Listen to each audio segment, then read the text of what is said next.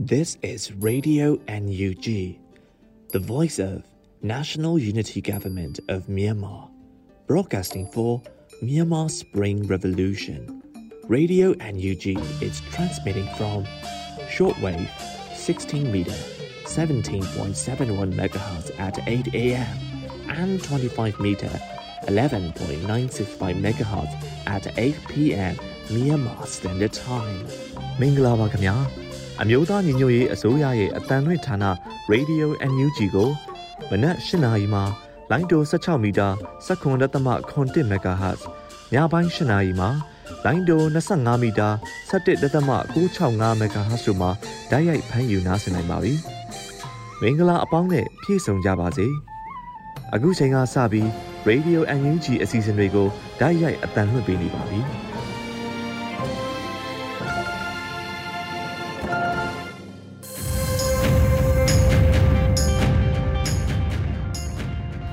မြန်မာနိုင်ငံသူနိုင်ငံသားအပေါင်းတဘာဝပင်စစ်အာဏာရှင်ဘေးတို့ကနေကင်းဝေးပြီးကိုစိတ်နှပါကျမ်းမာလုံခြုံကြပါစေလို့ရေဒီယိုအန်ယူဂျီအဖွဲ့သားများကဆုတောင်းမေတ္တာပို့သလိုက်ရပါတယ်ရှင်။အခုချိန်မှစပြီးကာကွယ်ဝိညာဉ်ဌာနမှထုတ်ဝေသောစစ်ရေးတရေအကျဉ်းချုပ်ကိုတင်ဆက်ပေးသွားမှာဖြစ်ပါတယ်ရှင်။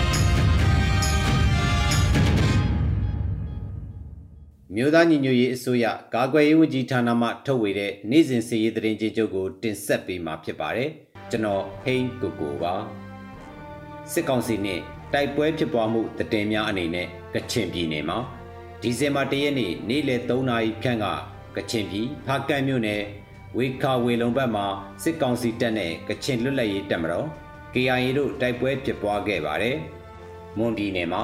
ဒီဇင်ဘာ2ရက်နေ့မနက်8:25မိနစ်ခန့်မှ10:00နာရီခွဲထိကြိုက်ထုံမြို့နယ်ရွှေကဲရိုးကျေးရွာနီးတဝိုက်မှာ နေမြေကျူးကျော်လာတဲ့စစ်ကောင်စီတပ်ဖွဲ့များနဲ့ KNLA ပြည်သူ့ကာကွယ်ရေးအဖွဲ့ကြိုက်ထိုပူးပေါင်းဖွဲ့တို့ထိတွေ့မှု၃ကြိမ်ဖြစ်ပွားခဲ့ပြီးစစ်ကောင်စီဘက်မှ10ဦးကျော်ကြာဆုံးက9ဦးခန့်ဒဏ်ရာရရှိခဲ့ပါတယ်။ပြည်သူ့ကာကွယ်ရေးအဖွဲ့ကြိုက်ထိုမှရဲ CDM တပ်သားကျော်စင်ဝင်းကြာဆုံးခဲ့ပါတယ်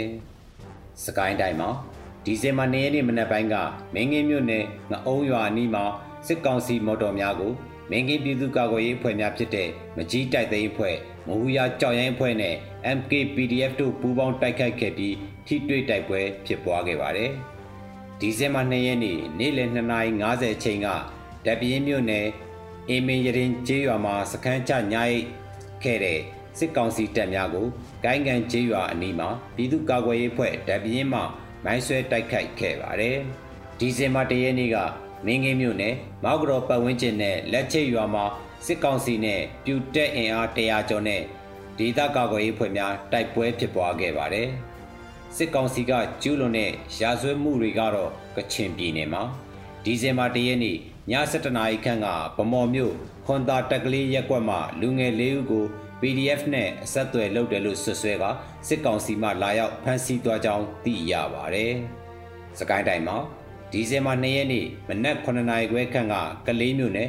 ကုတ်ကုံမစစ်ကောင်စီတပ်များကရှားရောရာရှိပြည်သူနေရှစ်လုံးကိုမိရှို့ဖျက်ဆီးခဲ့ပါတယ်။ဒီဇင်ဘာ2ရက်နေ့နေ့လယ်12:40မိနစ်ခန့်ကရေဦးမြို့မင်္ဂလာကျောင်းတိုက်သို့စစ်ကောင်စီတပ်များဝင်ရောက်ရှာဖွေခဲ့ပြီးခင်ဦးမြို့နယ်ပြည်အောင်ရွာမှရောက်ရှိနေသောပြည်သူနှုတ်ကိုဖမ်းဆီးခေါ်ဆောင်သွားခဲ့ပါတယ်။ဒီဇင်ဘာ1ရက်နေ့ကဒဇယ်မြို့နယ်စီးတာရွာမှာ တက်ဆွဲထားတဲ့စစ်ကောင်စီတပ်များပရိရွာသို့ဝင်ရောက်စီးနင်းခဲ့ပြီးစီးတာရွာတွင်နေအိမ်လေးလုံးနဲ့ပရိရွာတွင်နေအိမ်ချုပ်ကိုဖျက်ဆီးခဲ့ပါတယ်။မကွေးတိုင်းမှာဒီဇင်ဘာ၁ရက်နေ့နေ့လယ်2နာရီခန့်ကပွင့်ဖြူမြို့နယ်အနောက်ပိုင်းရက်ကွက်နေမနန်းရွှေရီမတရားဖမ်းဆီးခြင်းခံရပြီးနောက်မနန်းရွှေရီရဲ့ဖုံးကိုစစ်ဆေးရမှအနောက်ပိုင်းရက်ကွက်နေဒေါ်တီရာဤသားတက္ကသိုလ်ကျောင်းသားမောင်ဆွဲအားနေမှစစ်ကောင်စီမှဖမ်းဆီးသွားခဲ့ပါတယ်။ ဒီဇင်ဘာ၁ရက်နေ့မနက်10:00နာရီခန့်ကမင်းတုံးမြို့နယ်လေမကျေးရွာရှိဥဖိုးချိုအိမ်သို့ရောက်လာပြီးဥဖိုးချိုရှိလာလို့မေးရမရှိသဖြင့်၎င်းရဲ့သားနှစ်ဦးကိုဖမ်းဆီးခေါ်ဆောင်သွားခဲ့ပါတယ်။မန္တလေးတိုင်းမှာဒီဇင်ဘာ2ရက်နေ့ကငင်းချံမြို့နယ်ကိုင်းကျေးရွာမှာတက်ဆွဲထားတဲ့စစ်ကောင်စီများကမင်္ဂလာဆောင်မှငွေကျပ်တသိန်းနဲ့ဆန်နှစ်ပြည်ချက်စာခန့်ထမင်းနဲ့ဟင်းများကိုတောင်းယူခဲ့ပါတယ်။ ဒီဇင်ဘာ၁ရက်နေ့နေ့လယ်12နာရီခန့်ကစင်ကိုင်မြို့နယ်ကတဲကျေးရွာနေဝက်ကလေးခေါ်ကိုဖြိုးမောင်ရဲကိုစစ်ကောင်စီများမှဖမ်းဆီးသွားပြီးနေ့လယ်3နာရီကစစ်ကြောရေးမှာကြဆုံးခဲ့ရပါတယ်။ဒီဇင်ဘာ၁ရက်နေ့ကမြင်းကျန်မြို့နယ်အမှတ်14ရပ်ကွက်မှဦးသက်အောင်မောင်မျိုးကြော်ကြော်မောင်ခိုင်စိုးဝင်းတို့တားဖ3ဦးနဲ့ဦးဝင်းထိန်တို့ကိုစစ်ကောင်စီများကနေအိမ်မှာ NLD နဲ့စိုင်းပုတ်တင်ထားသဖြင့်ဖမ်းဆီးသွားခဲ့ပါတယ်။ရန်ကုန်တိုင်းမှာ ဒီဇင်ဘာ2ရက်နေ့ကမင်္ဂလာတော်မှတ်3လမ်းမကြီးတစ်လျှောက်စစ်ကောင်စီများမှလော်နစ်အော်၍ပေ300အတွင်းမလွတ်တဲ့အိမ်နစ်ဆိုင်ကုန်းဘိုဒဇာနဲ့အကုန်လိုက်ဖြက်စီကဖြက်စီမှုကိုသဘောမတူညီလျင်တခါတည်းအချုပ်ကားနဲ့ဖမ်းတယ်လို့ချိတ်ချောက်ခဲ့ပါတယ်။ဒီဇင်ဘာ၁ရက်နေ့ကခရမ်းမြို့နယ်မောင်းမကျေးရွာမှာစစ်ကောင်စီများမှလူမိုက်ငှားပြီးမီတာကများလိုက်လံကောက်ခံနေလျက်ရှိကြောင်းသိရပါတယ်။ဒီဇင်ဘာ၁ရက်နေ့က ကော်မူးမြို့နယ်ရေကျော်ကျေးရွာမှာစစ်ကောင်စီမှတနက်နလက်ပျောက်တည်လို့ဆိုသည့်အကြောင်းပြချက်နဲ့ကျေးရွာနေပြည်သူ30ကျော်ကိုရွာထဲရှိလူလူဗဟိုပြုခန်းမာထဲမှာဖမ်းဆီးနှိပ်စက်ခဲ့ပါတယ်။ဖမ်းဆီးခံရသူများတွင်ကြာမလူလက်ပိုင်းများနဲ့လူကြီးပိုင်းများအသက်မပြည့်သေးသူများလည်းပါဝင်ခဲ့ပါတယ်။ထို့နောက်လူတယောက်ကိုအနေဆုံး9သိန်းနဲ့လာရွေးခိုင်းခြင်းအသက်မပြည့်တဲ့အမျိုးသမီးငယ်များကို10သိန်းနဲ့လာရွေးခိုင်းခြင်းတို့ကိုပြုလုပ်ခဲ့ပြီးဖ မ်းဆီးခံရသူများထဲမှလူကြီးတို့အေးမိပြီးလေဖြတ်သွားခဲ့ကြောင်းသိရပါတယ်။အေယာဝတီတိုင်းမှာဒီဇင်ဘာ2ရက်နေ့မနက်ပိုင်းကအပူရောမြို့နယ်ငရုတ်ကောင်းမြို့တေရောင်းကျေးရွာတောင်တရကုန်းကျေးရွာတံပတ်ကွင်းကျေးရွာတို့မှာ NLD အမာခံထောက်ခံသူအင်အား20ဦးခန့်ကိုစစ်သားရဲအင်အား60ခန်းမှလာရောက်ဖမ်းဆီးသွားခဲ့ပြီးထိုဖမ်းဆီးခံရတဲ့အထက်မှာအငိမ့်စားကျောင်းဆရာဦးတန်းလွင်လည်းပါရှိခဲ့ပါတယ်။ ဒီဇင်ဘာ၁ရက်နေ့ည10:00နာရီခန့်ကဝါခဲမမြို့နယ်တရွတ်မြိုက်ကျေးရွာမှာ NLD ပါတီရက်ကျေးဥက္ကဋ္ဌဖြစ်သူဦးအောင်လာတန်းအပါအဝင်၎င်းရဲ့တမက်ဖြစ်သူကိုရှိုင်းထက်ကျော်ပါတီဝင်များဖြစ်တဲ့ကိုနေလင်းနဲ့ကိုငပူတို့ကိုစစ်ကောင်စီအင်အား30ခန့်နဲ့ဖမ်းဆီးသွားခဲ့ပါတယ်။ဟုတ်ကဲ့ပါ။အခုသတင်းများကိုမြေပြင်သတင်းတာဝန်ခံများနဲ့သတင်းဌာနများမှဖော်ပြလာတဲ့အချက်အလက်များပေါ်အခြေခံပြီးပြုစုထားတာဖြစ်ပါတယ်ခင်ဗျာ။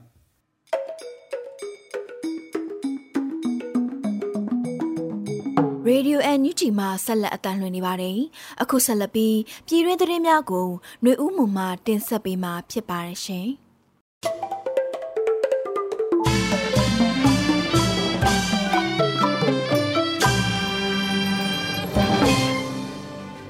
ဒီဇင်ဘာလ2ရက်နေ့ရပြည်တွင်းသတင်းများကိုတင်ဆက်ပေးသွားမှာပဲဖြစ်ပါတယ်။တင်ဆက်ပေးမယ့်သတင်းအကြောင်းအရာတွေကတော့ကလောအထကတ်တဲ့အကြောင်းမှာ COVID-19 ရောဂါကူးစက်မှုနှုန်းပိုမိုများပြားလာပြီး တာဝန်ရှိသူတွေရဲ့ပေါ်ဆမှုကြောင့်ကျောင်းသားမိဘအချို့စိုးရိမ်နေတဲ့ဆိုတဲ့သတင်းပါဝင်အခြားစိတ်ဝင်စားဖွယ်ရာသတင်းအကြောင်းအရာတွေကိုတင်ဆက်ပေးသွားမှာပဲဖြစ်ပါတယ်။ခုပထမဆုံးကလောအထကတ်တဲ့အကြောင်းတွင် COVID-19 ရောဂါကူးစက်မှုနှုန်းပိုမိုများပြားလာပြီးတာဝန်ရှိသူများရဲ့ပေါ်ဆမှုကြောင့်ကျောင်းသားမိဘအချို့စိုးရိမ်နေရတယ်ဆိုတဲ့သတင်းဖြစ်ပါတယ်။ရှမ်းပြည်တောင်ပိုင်းကလောမြို့ရှိမှတ်တစ်အခြေခံပညာအထက်တန်းကျောင်းတွင်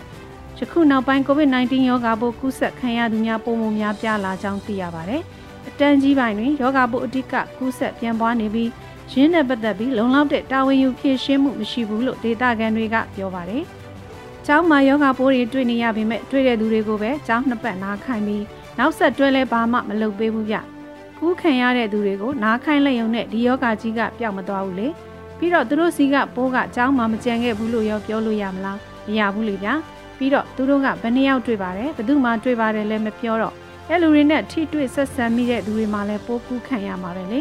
ဆရာဆရာမတွေမှာယောဂဖြစ်မဖြစ်ကတော့မသိဘူးဗျကျောင်းသားတွေမှာတော့အဖြစ်များနေတာသိကြတယ်ကျောင်းသားတယောက်အကြောင်းကိစ္စမရှိဘဲကျောင်းပြက်ပြီးဆိုရင်အဲ့ဒါယောဂဖြစ်တာပဲဘာလို့လဲဆိုရင်ယောဂဖြစ်တာနဲ့ကျောင်းနှစ်ပတ်နားခိုင်းတာကိုတကယ်လို့ဒါတခြားအကြောင်းကိစ္စနဲ့ကျောင်းပြက်ကွက်တယ်ဆိုရင်ဆီယာမကမေးတာမြန်တာမျိုးလုပ်ရမှာလေအခုကကျောင်းကန်းနဲ့လူတွေရော့နေလဲဆီယာမကဘာမှမမေးသူ့ဘာသာသူ စာသင်စရာရှိတာဆက်သင်နေတာအဲ့လိုဆိုတော့ကျွန်တော်တို့ဘက်ကလည်းခံမှန်းလို့ရတာပေါ့။ကျောင်းပြတ်တဲ့ကျောင်းသားမှာယောဂပိုးရှိသွားတယ်ဆိုတာ mask တွေတော့တက်ထားရပါတယ်။သမင်းစားကျောင်းစင်းချိန်ကလွဲလို့ကျန်တဲ့အချိန်တွေ mask တက်ထားရတယ်ဗျ။ဒါပေမဲ့ဗျာလုံလောက်တဲ့ကာကွယ်မှုမျိုးမပေးနိုင်ရင်တော့ယောဂကြီးကပြန့်နေအောင်ပါပဲ။တကြောင်လုံးတော့ပြောင်းဆန်ကုန်တော့မှာပဲဗျာလို့ပြောပါတယ်။ကလောင်အထကတက်တွင်ရခင်ရပိုင်းကထက်တန်းကျောင်းသား2ဦးထံမှာ COVID-19 ရောဂါပိုးတွေ့ရှိခဲ့ပေမဲ့လည်း သက်ဆိုင်ရာတာဝန်ရှိသူတွေကအဲ့ဒီသတင်းကိုထိန်ဆန်ထားပြီးပြပြင်တို့မပေါက်ကြားစေရန်လျှို့ဝှက်ထားခဲ့တယ်လို့လည်းသိရပါတယ်ရှင်။နောက်ထပ်တင်ဆက်ပေးမယ့်သတင်းကတော့စစ်ကောင်စီတပ်ကသိန်းနီ PDF ရဲ့စခန်းနှစ်ခုကိုဝင်ရောက်စီးနင်းပြီးစခန်းတွေကိုမီးရှို့ဖျက်ဆီးခဲ့တဲ့သတင်းဖြစ်ပါတယ်။ဒီဇင်ဘာ၁ရက်နေ့ည7:00နာရီကျော်နဲ့ဒီဇင်ဘာ2ရက်နေ့မနက်ပိုင်း9:00နာရီကျော်အချိန်မှာရှမ်းမြောက်သိန်းနီ PDF ရဲ့စခန်းနှစ်ခုကိုစစ်ကောင်စီတပ်တွေကဝင်ရောက်တိုက်ခိုက်စီးနင်းခဲ့ပြီး စခန်းကိုမီးရှို့ဖျက်ဆီးလိုက်တယ်လို့သိရပါတယ်။သိန်းနီ PDF စခန်းတစ်ခုဟာကင်းအဖွဲ့စခန်းနဲ့တင်နန်းလေးကျင်စခန်းတို့ဖြစ်ပြီးစစ်ကောင်စီတပ်နဲ့အပြန်အလှန်တိုက်ခိုက်ခဲ့ပြီးမဲ့စစ်တပ်ဘက်မှအင်အားများပြားတာကြောင့် PDF ဘက်မှပြန်လည်ဆုတ်ခွာသွားရတယ်လို့ဆိုပါတယ်။ PDF ရဲ့ပြန်ကြားရေးနဲ့ဆက်သွယ်ထောက်လဲရေးအဖွဲ့ဝင်တဦးကအရင်ရက်တွေကကျွန်တော်တို့နဲ့ထိတွေ့တိုက်ပွဲတွေဖြစ်တော့သိန်းနီနဲ့ကိုခိုင်ကြားမိန်ပြိန်းနာတဝိုက်တွေမှာပြီးခဲ့တဲ့၄ရက်လောက်ကပဲစစ်တပ်ဘက်ကအင်အားအလုံးရင်းနဲ့တပ်ဖြန့်ထားတာ ဒါကြောင့်ကျွန်တော်တို့စခန်းကိုသိရှိသွားတယ်လို့ပြောပါတယ်ဆိုပါစခန်းတစ်ခုကိုစစ်ကောင်စီဘက်မှဝင်ရောက်စီးနင်းချိန်မှာပြန်လည်တိုက်ခိုက်တာကြောင့်စစ်တပ်ဘက်မှ3ဦးကြာဆုံးပြီး PDF ဘက်မှ9ဦးဒဏ်ရာရရှိနေ2ဦးဖမ်းဆီးခံရတယ်လို့သူကပြောပါတယ်ပထမဆုံးကင်းအဖွဲ့တိုက်ပွဲက2ယောက်ဖမ်းဆီးခံရပါတယ်ရိတ်ခါအချို့နဲ့အသုံးဆောင်ပစ္စည်းတွေမီးရှို့ခံရပြီးတော့ဒုတိယတိုက်ပွဲကတော့တင်နန်းမှာစီရေးလေးကျင်းတဲ့ပစ္စည်းတွေနဲ့ဖောက်ခွဲရေးပစ္စည်းတွေမီးရှို့ပြီးဖျက်ဆီးခံလိုက်ရတယ်လို့ပြောပါတယ်။ ပြီးခဲ့တဲ့ဇူလိုင်လကနေဒီကနေ့အထိတိုင်းနီ PDF နဲ့စစ်ကောင်စီတပ်တို့ကြားတိုက်ပွဲ30တကြိမ်ဖြစ်ပွားကြပြီးစစ်ကောင်စီဘက်မှ39ဦးကြာဆုံးပြီးတော့ PDF ဘက်မှရဲဘော်2ဦးကြာဆုံးပြီး29ဦးဒဏ်ရာရရှိသူနဲ့2ဦးဖမ်းဆီးခံရပါတယ်ရှင်။ဆက်လက်ပြီးကိုဗစ်ကာကွယ်ဆေးနှစ်ကြိမ်ထိုးထားတဲ့ဘင်္ဂလားဒေ့ရှ်မှပြန်လာသူဆက်လေးသမား9ဦးမှာကိုဗစ်တွေ့ရှိတဲ့သတင်းကိုတင်ဆက်ပေးပါမယ်။တစ်ဖက်ဘင်္ဂလားဒေ့ရှ်နိုင်ငံမှကုံသွယ်ရေးပြန်လာတဲ့ဆက်လေးသမား9ဦးမှာ နိုဝင်ဘာ30ရက်နေ့ကကိုဗစ်စစ်ဆေးရာပိုးတွေ့ရှိခဲ့တယ်လို့တာဝန်ရှိသူတွေစီကနေသိရပါဗျ။စစ်တွေမြို့မှာရှိတဲ့ရွှေမင်းကန်ကုံသွယ်ရေးစခန်းမှာ quarantine ဝင်နေတဲ့အသက်22နှစ်နဲ့55နှစ်ကြားဆက်လေးသမား9ဦးမှာကိုဗစ်ပိုးတွေ့ရှိခဲ့ခြင်းဖြစ်ပါတယ်။ဆိုပါဆက်လေးသမားများမှာကိုဗစ်ကာကွယ်ဆေးနှစ်ကြိမ်ထိုးနှံထားပြီးဖြစ်ကရန်ကုန်မှလာရဲ့ရွှေမင်းငယ်ကုံသွဲရေးစခန်းမှတဆင့်ဘင်္ဂလားဒေ့ရှ်နဲ့ကုံသွဲမှုလုပ်ပြီးအပြန်ရွှေမင်းငယ်ကုံသွဲရေးစခန်းတွင် quarantine 10ရက်ဝင်နေကြခြင်းဖြစ်ပါတယ်။ quarantine ဝင်ခိုင်းထားရမှ9ရက်မြောက်နေ့တွင်ကျန်းမာရေးဌာနကလာရောက်စစ်ဆေးတဲ့အခါဆက်လေးဒဇီးမှလေသမား9ဦးတွင်ကိုဗစ်ပိုးတွေ့ရှိခဲ့ခြင်းဖြစ်ပါတယ်။ဆိုပါဆက်လေးသမား9ဦးကိုစစ်တွေဆေးရုံသို့ဆေးကုသမှုခံယူရန်ပို့ဆောင်ထားပြီးလက်ရှိတွင်၎င်းတို့အားလုံးကျန်းမာရေးအခြေအနေကောင်းမွန်တယ်လို့တာဝန်ရှိသူတဦးကပြောပါရယ်သူတို့ကကိုဗစ်ကာကွယ်ဆေးနှစ်ကြိမ်ထိုးပြီးသားပါရန်ကုန်ကနေလာပြီးဒီကတဆင့်ဘင်္ဂလားဘက်ကိုကုန်းသွဲသွားကြတာအဲ့ဒီမှာလဲကမ်းပေါ်မတက်ခဲ့ကြပါဘူးဒီကနေကလေးကကူးတာဖြစ်နိုင်ပါတယ် ဒီဘက်ကသွားရင်တော့ကိုဗစ်နှစ်ကြိမ်ထိုးပြီးသားဆိုရင်ကိုဗစ်မစစ်တော့ဘူးအဲ့ဘက်ကပြန်လာရင်တော့ quarantine 10ရက်ထားတယ်ခုနှစ်ရက်လောက် quarantine ဝင်နေရင်မနေ့ကကျမရေးဌာနကလာစစ်တော့ကိုဗစ်တွေ့တာကျမရေးတွေကအကုန်ကောင်းကြတယ်စားလဲဝင်ကြတယ်အနံ့လဲရကြတယ်လို့သူကပြောပါတယ်လက်ရှိတွင်အဆိုမကုံသွေးရေးစခန်းတွင်ကိုဗစ်ကာကွယ်ဆေးနှစ်ကြိမ်ထိုးပြီးတော့လည်းအသွားရောအပြန်မှာကိုဗစ်စစ်ဆေးသွားမယ်လို့သိရပါတယ်ဒါအပြင် နိုဝင်ဘာ30ရက်နေ့ကလည်းစစ်တွေမှလေရင်ဖြင့်ခရီးသွားမဲ့သူနှစ်ဦးတွင်လည်းကိုဗစ်ပိုးတွေ့ရှိခဲ့ပြီးတရက်ထဲမှာစစ်တွေတွင်ကိုဗစ်တွေ့ရှိသူ12ဦးရှိခဲ့တယ်လို့ရခိုင်ကိုဗစ် -19 စောင့်ကြည့်ရေးအဖွဲ့မှထုတ်ပြန်ထားပါတယ်။ရခိုင်ကနေဆက်ကုံသွေးစခန်းများကိုပြီးခဲ့တဲ့ဇူလိုင်လ15ရက်နေ့ကလည်းကိုဗစ်ကြောင့်ပိတ်ထားခဲ့ပြီးနောက်အောက်တိုဘာလ23ရက်နေ့မှာပြန်လည်ကုံသွေးနေကြခြင်းပဲဖြစ်ပါတယ်။ရခိုင်ပြည်နယ်တွင်ကိုဗစ်တတိယလှိုင်းစတင်ဖြစ်ပွားတဲ့မေလ12ရက်နေ့ကနေနိုဝင်ဘာလ30ရက်နေ့အထိကိုဗစ်အတည်ပြုလူနာ 9182ဦးနဲ့သေဆုံးသူ498ဦးဆေးရုံတွင်ကုသဆဲလူနာ20ဦးရှိသေးတယ်လို့ရခိုင်ပြည်နယ်စစ်ကောင်စီလက်အောက်ခံကိုဗစ်ထိန်းချုပ်ရေးနဲ့ထုတ်ပြန်ရေးကော်မတီရဲ့ထုတ်ပြန်ချက်အရသိရပါတယ်ရှင်။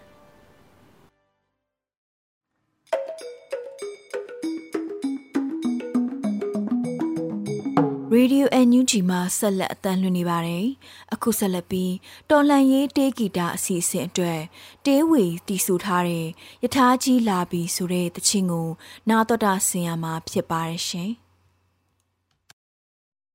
ယထာကြီးလာပြီယထာကြီးလာပြီယထာကြီးလာပြီယထာအိုအိုသာ အဝေးရဲ့ကလွေပြန်လွမ်းမောပွဲတေးတဲ့လုံးလုံးကိုလီချမီနေပြန်လွင်မျောမိခဲ့တယ် Oh ho ho we go နှလုံးသားရဲ့စီဝင်တချင်းလေးကယထာအောင်အော်တာယထာကြီးလာပြီ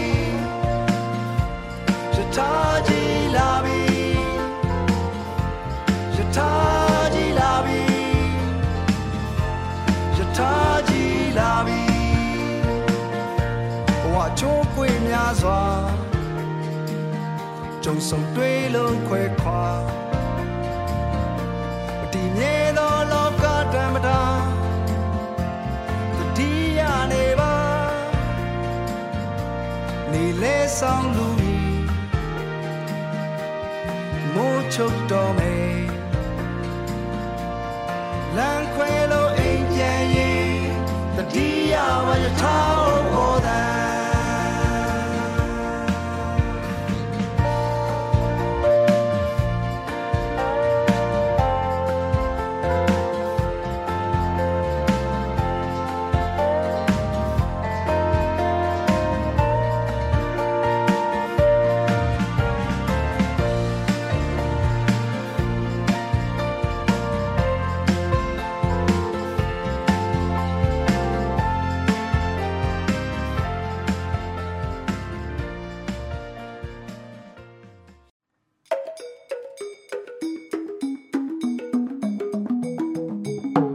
ရေဒီယိုအန်ယူတီမှာဆက်လက်အတန်းလွှင့်နေပါတယ်။အခုဆက်လက်ပြီးပြည်သူတိုက်ပွဲသတင်းများကိုຫນွေဦးလင်းအိမ်မှတင်ဆက်ပေးမှာဖြစ်ပါတယ်ရှင်။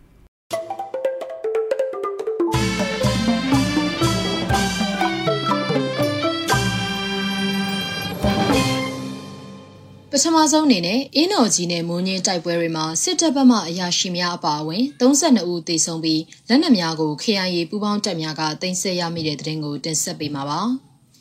ကချင်ပြည်နယ်မိုးညင်းနဲ့အင်းတော်ကြီးတိုက်ပွဲတွေမှာစစ်တပ်ဘက်မှအရာရှိများအပါအဝင်32ဦးသေဆုံးပြီးလက်နက်များကို KIA နဲ့ပူးပေါင်းတပ်ဖွဲ့တွေကတင်ဆက်မိကြောင်း KIA သတင်းရင်းမြစ်ထံမှသိရှိရပါတယ်။ဒီဇင်ဘာလ၁ရက်နေ့မိုးညင်းခရိုင်အင်းတော်ကြီးမြို့နယ် KIA တပ်မဟာကိုလက်အောက်ခံတရင်26ရှေ့တန်းဝေခါညောင်ထောက်ဘက်တိုက်ပွဲတွင်စစ်ကောင်စီဘက်မှအရာရှိတအုပ်အပါအဝင်စစ်သား20ဦးသေဆုံးကြောင်းစစ်ကောင်စီဘက်မှဝေလုံတောင်ကျောတလျှောက်လေရင်များပြန်ဝဲသွားခဲ့ကြောင်း အလားတူ KIA တပ်မဟာရှိမိုးညင်းနဲ့နမ်းမာကြားရှိကွင်းစည်းရွာသို့ခြိတက်လာတဲ့စစ်သား12ဦးကိုရွာဦးကျောင်းသားမှတိုက်ခိုက်ခံရပြီးသေဆုံးသွားကြောင်းအဆိုပါတိုက်ပွဲများတွင်လက်နက်များတင်ဆက်ရမိကြောင်းသိရှိရတာပါ။တိုက်ပွဲများတွင်စစ်ကောင်စီဘက်မှဒဏ်ရာရရှိသူအများအပြားရှိပြီး KIA ပူးပေါင်းတပ်များတွင် PDF နဲ့တိုင်းရင်းသားတပ်တချို့ပါဝင်ကြောင်းသိရှိရပါသည်။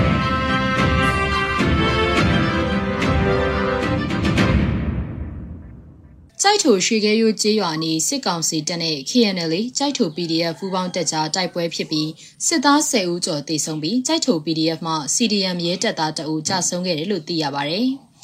မွန်ပြည်နယ်ကြိုက်ချုံမြို့နယ်ရွှေခဲရိုးကျေးရွာအနီးစစ်ရေးလှုပ်ရှားလာတဲ့အကြမ်းဖက်စစ်ကောင်စီတပ်ဖွဲ့နဲ့ကရင်အမျိုးသားလွတ်မြောက်ရေးတပ်မတော် KNL တပ်မဟာ1တပ်ဖွဲ့ကြိုက်ထုံ PDF ပူးပေါင်းတပ်ဖွဲ့ကြားယနေ့ဒီဇင်ဘာလ2ရက်နေ့နက်8:25မိနစ်မှာ10နာရီခွဲခန့်ထိထိတွေ့တိုက်ပွဲဖြစ်ပွားခဲ့ပြီးအကြမ်းဖက်စစ်သား10ဦးထပ်မံသေဆုံးက9ဦးဒဏ်ရာရကြောင်းကြိုက်ထုံမြို့နယ်ပြည်သူ့ကာကွယ်ရေးတပ်ဖွဲ့ထံမှသိရှိရတာပါ။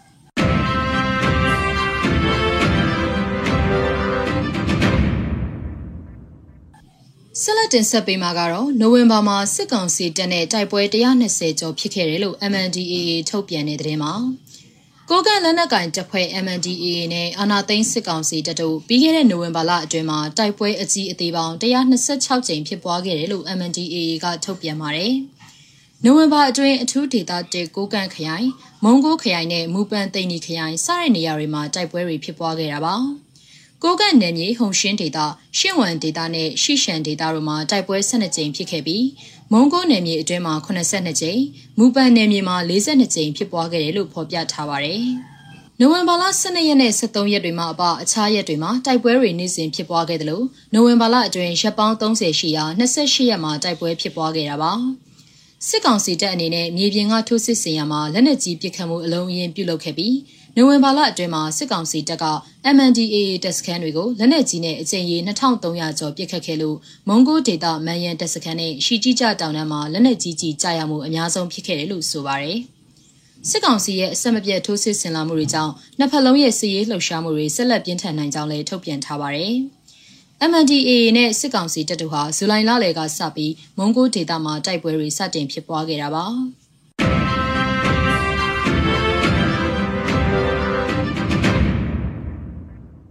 ဆက်လက်တင်ဆက်ပေးမှာကတော့ရွှေဘိုဇီးဖြူကုန်းရွာအနီးအရက်သားကားနဲ့ထွက်ခွာလာတဲ့စစ်ကောင်စီတပ်ဖွဲ့မိုင်းဆွဲတိုက်ခိုက်ခံရတဲ့တဲ့မှာ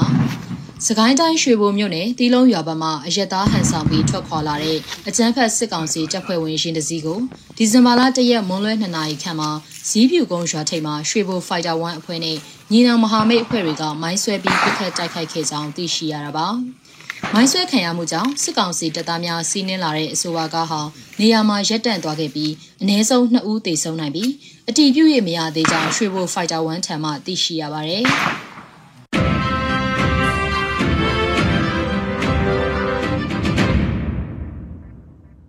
နောက်ဆုံးအနေနဲ့အမျိုးသားညီညွတ်ရေးအစိုးရပြည်ထရေးနဲ့လူဝင်မှုကြီးကြပ်ရေးဝန်ကြီးဌာနကဒီဇင်ဘာ2ရက်ရက်စွဲနဲ့ထုတ်ပြန်တဲ့ပြည်သူ့ခုခံတော်လှန်ရေးသတင်းချက်လက်တွေကိုတင်ဆက်ပေးသွားမှာပါ။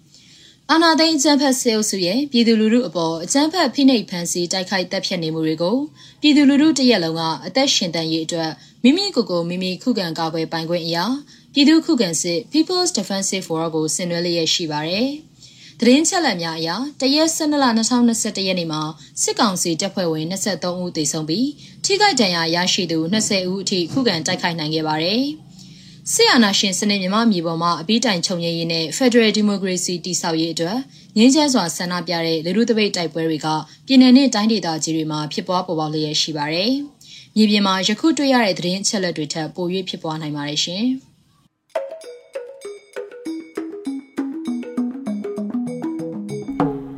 Radio NUG မှာဆက်လက်အသံလွှင့်နေပါတယ်။အခုဆက်လက်ပြီးနေ့စဉ်သတင်းတင်ဆက်မှုကိုမတ်ထထအိန္ဒြာအောင်မှတင်ဆက်ပေးမှာဖြစ်ပါတယ်ရှင်။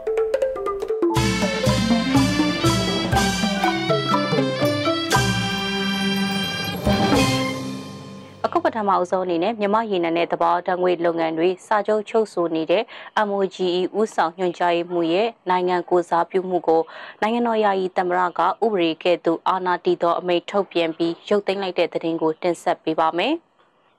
ပြည်တွင်းပြည်ပစီးပွားရေးလုပ်ငန်းနဲ့စာချုပ်ချုပ်ဆိုနေတဲ့မြန်မာရေနံနဲ့တဘာဝတံငွေလုပ်ငန်း MOGE ဥဆောင်ညွှန်ကြားမှုရဲ့နိုင်ငံတော်ပေါ်ကိုစားပြုမှုကိုရုပ်သိမ်းလိုက်တယ်လို့ NUG ရဲ့ယာယီသမ္မတဒူဝါလက်ရှိလာကဒီကနေ့ဒီဇင်ဘာလ2ရက်နေ့မှာဥပဒေကဲ့သို့အာဏာတည်သောအမိန့်တစ်မြင့်ဆောင်2021ကိုထုတ်ပြန်ပြီးကြေညာလိုက်ပါတယ်။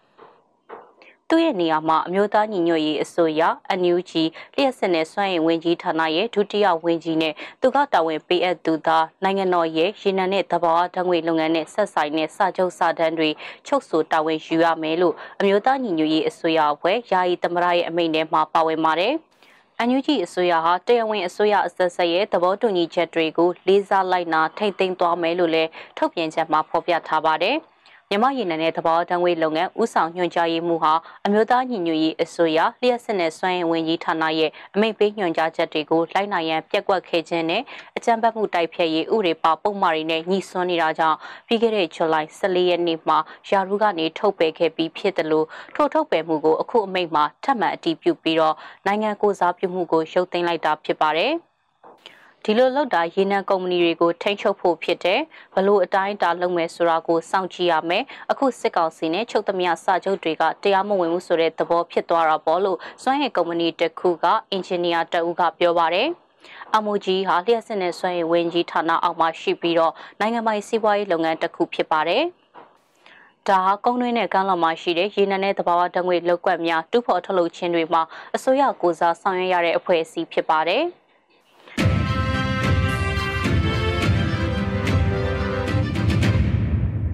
ဆက်လက်ပြီးတော့အမျိုးသားညီညွတ်ရေးအစိုးရလူ့အခွင့်အရေးဆိုင်ရာဝန်ကြီးဌာနကစီစဉ်တဲ့လူ့အခွင့်အရေးဆိုင်ရာသတင်းလွှာအမှတ်နှစ်ထွက်ရှိလာတဲ့သတင်းကိုတင်ဆက်ပေးချင်ပါတယ်။အမျိုးသားညီညွတ်ရေးအစိုးရလူ့အခွင့်အရေးဆိုင်ရာဝန်ကြီးဌာနကထုတ်ဝေနေတဲ့လူ့အခွင့်အရေးဆိုင်ရာသတင်းလွှာအတွဲ1အမှတ်နှစ်ကိုဒီဇင်ဘာလ1ရက်နေ့မှာထုတ်ပြန်ခဲ့ပါတယ်။ နှစ်ပတ်တစ်ကြိမ်ထုတ်ဝေနေတဲ့လူအခွင့်အရေးဆိုင်ရာသတင်းလွှာအတွက်ဒီတစ်ပတ်ပါဝင်တဲ့အကြောင်းအရာတွေကတော့အကြမ်းဖက်စစ်ကောင်စီရဲ့တပ်တွေကကြေးရွာတွေနေအိမ်တွေနဲ့ပစ္စည်းတွေဖျက်ဆီးမှုအကြောင်းအရာတွေ CDM ဝန်ထမ်းတွေကိုဖမ်းဆီးတပ်ဖြတ်မှုတွေပါဝင်ပါတယ်လူငယ်တွေကိုဖမ်းဆီးနှိပ်စက်တပ်ဖြတ်တာမိသားစုဝင်တွေကိုတစားကန်အဖြစ်ဖမ်းဆီးသွားမှုတွေလည်းဖော်ပြထားပါတယ်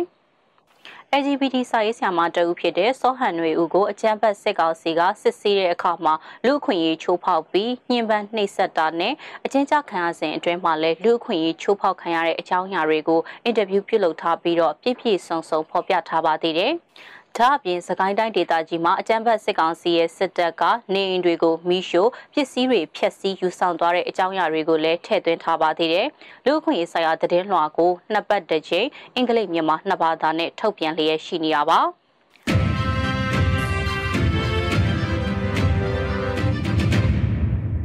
ဆက်လက်ပြီးကုလသမဂ္ဂမှအကြမ်းဖက်စစ်ကောင်စီကိုနိုင်ငံကိုစားပြုခွင့်မပေးဖို့အရေးချင်းစစ်ကော်မတီကဆုံးဖြတ်ပြီးတာမကြီးဦးကျော်မိုးထွန်းကဆက်လက်ကိုစားပြုခွင့်ရခဲ့တဲ့သတင်းကိုတင်ဆက်ပါမယ်။ကုလသမဂ္ဂအရေးချင်းစစ်ကော်မတီဟာမြန်မာနဲ့အာဖဂန်နစ္စတန်တို့ကိုကုလသမဂ္ဂမှနိုင်ငံကိုစားပြုခွင့်ပေးဖို့ဆုံးဖြတ်ချက်ကိုဆိုင်းငံ့လိုက်တယ်လို့ကော်မတီဥက္ကဋ္ဌဆွီဒင်တပ်အမတ်ကြီးကသတင်းတောက်တွေကိုပြောပါတယ်။ လက်ရှိအချိန်မှာမြန်မာကအကြမ်းဖက်စစ်ကောင်စီနဲ့အာဖဂန်နစ္စတန်ရဲ့တာလီဘန်တို့ကိုကုလသမဂ္ဂမှကိုစားပြုခွင့်ပေးမှာမဟုတ်ဘူးလို့ကော်မတီကဆုံးဖြတ်ခဲ့တာဖြစ်ပါတယ်။ဒါကြောင့်မြန်မာပြည်သူတွေနဲ့အတူရက်တည်ပြီးဆရာနာသိမ်းမှုကိုစန့်ကျင်တဲ့တာမတ်ကြီးဦးကျော်မိုးထွန်းကကုလသမဂ္ဂမှနိုင်ငံကိုစားပြုခွင့်ဆက်လက်ရရှိမှာဖြစ်ပါတယ်။ ကော်မတီရဲ့ဆုံးဖြတ်ချက်နဲ့ပတ်သက်လို့ NUG လူ့အခွင့်အရေးဝန်ကြီးဦးအောင်မျိုးမင်းကကော်မတီမှပါဝင်တဲ့တရုတ်နဲ့ရုရှားနိုင်ငံတို့ကကော်မတီရဲ့ဆုံးဖြတ်ချက်ကိုမကန့်ကွက်ခဲ့တဲ့အတွက်ကြောင့်အထွေထွေညီလာခံကနေဆုံးဖြတ်ချက်ကိုအတည်ပြုနိုင်မယ်လို့ယူဆအကြောင်းသုံးသပ်ပါတယ်။ တာမကြီးဦးချုံမိုထွန်းကိုဆက်လက်ထားရှိဖို့ Credential Committee ရဲ့ဥက္ကဋ္ဌဖြစ်သူဆွီဒင်နိုင်ငံတပ်အမတ်ကတရားဝင်ကြေညာသွားပါပြီ။ကော်မတီရဲ့ဒီဆုံးဖြတ်ချက်ကိုကုလသမဂ္ဂအထွေထွေညီလာခံကိုတင်ပြသွားမှာဖြစ်ပါတယ်လို့ဝန်ကြီးဦးအောင်မျိုးမင်းကသူ့ရဲ့လူမှုကွန်ရက်ကနေအသိပေးထားပါတယ်။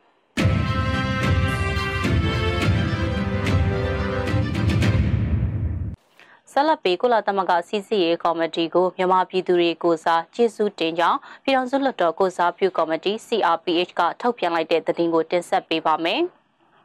ဒီဇင်ဘာ၁ရက်နေ့ကမြန်မာနိုင်ငံဆိုင်ရာကုလသမဂ္ဂကိုယ်စားလှယ်ခန့်အပ်ဖို့အတွက်ကုလသမဂ္ဂစီစီအေကော်မတီကဆုံးဖြတ်ခဲ့ရမှာအကြံဖတ်စစ်ကောင်စီရဲ့ကိုယ်စားလှယ်ကိုပယ်ချပြီးအမျိုးသားညီညွတ်ရေးကိုစားပြုတမ်မတ်ကြီးဦးကျော်မိုးထွန်းကိုသာအတည်ပြုပေးခဲ့တဲ့အပေါ်မြန်မာပြည်သူတွေကိုစားကျေးဇူးတင်ရှိကြောင်းပြည်ထောင်စုလွှတ်တော်ကိုစားပြုကော်မတီ CRPH ကသဘောထားကြေညာချက်ထုတ်ပြန်လိုက်ပါတယ်။ ကုလသမဂ္ဂစီစီအေကော်မတီကအကြမ်းဖက်စစ်ကောင်စီကတင်သွင်းလာတဲ့အမည်စင်းကိုပယ်ချပြီးတော့မြန်မာနိုင်ငံကိုစားပြုခွင့်မပြုခဲ့တဲ့ဆုံးဖြတ်ချက်ကိုဝမ်းမြောက်စွာကြိုဆိုပါကြောင်းနဲ့ကော်မတီဥက္ကဋ္ဌဖြစ်သူဆွေဒင်နိုင်ငံဆိုင်ရာကုလတပ်အမတ်ကြီးနဲ့ကော်မတီဝင်တွေကိုမြန်မာပြည်သူတွေကိုစားများစွာကျေးဇူးတင်ရှိပါကြောင်းသဘောထားကြေညာချက်ထဲမှာဖော်ပြထားပါတယ်။ ကမ္ဘာနိုင်ငံတွေနဲ့နိုင်ငံတကာအဖွဲ့အစည်းတွေအနေနဲ့စစ်ကောင်စီကိုထိရောက်တဲ့နိုင်ငံရေးစီးပွားရေးတန်တမန်ရေးပိတ်ဆို့မှုတွေပြုလုပ်ပေးတာဟာမြန်မာနိုင်ငံအတွက်ဆရာနာရှင်အပီးတိုင်ကြဆုံးမှုနဲ့ဒီမိုကရေစီလမ်းကြောင်းပေါ်ပြန်လည်ရောက်ရှိရေးအတွက်ကြီးမားတဲ့ကူညီမှုတွေပြုလုပ်တာဖြစ်တယ်လို့လည်းဆိုထားပါတယ်။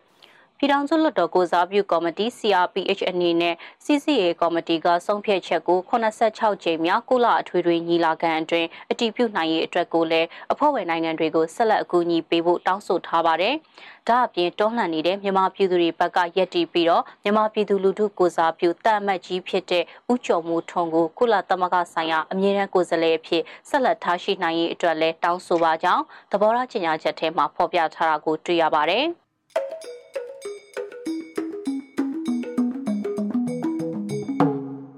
ဒီကနေ့ကတော့ဒီညနေပဲ Radio NUG ရဲ့အစီအစဉ်တွေကိုခਿੱတရနာလိုက်ပါမယ်မြန်မာစံတော်ချိန်မနက်၈နာရီနဲ့ညနေ၈နာရီအချိန်တွေမှာပြန်လည်ဆုံတွေ့ကြပါစို့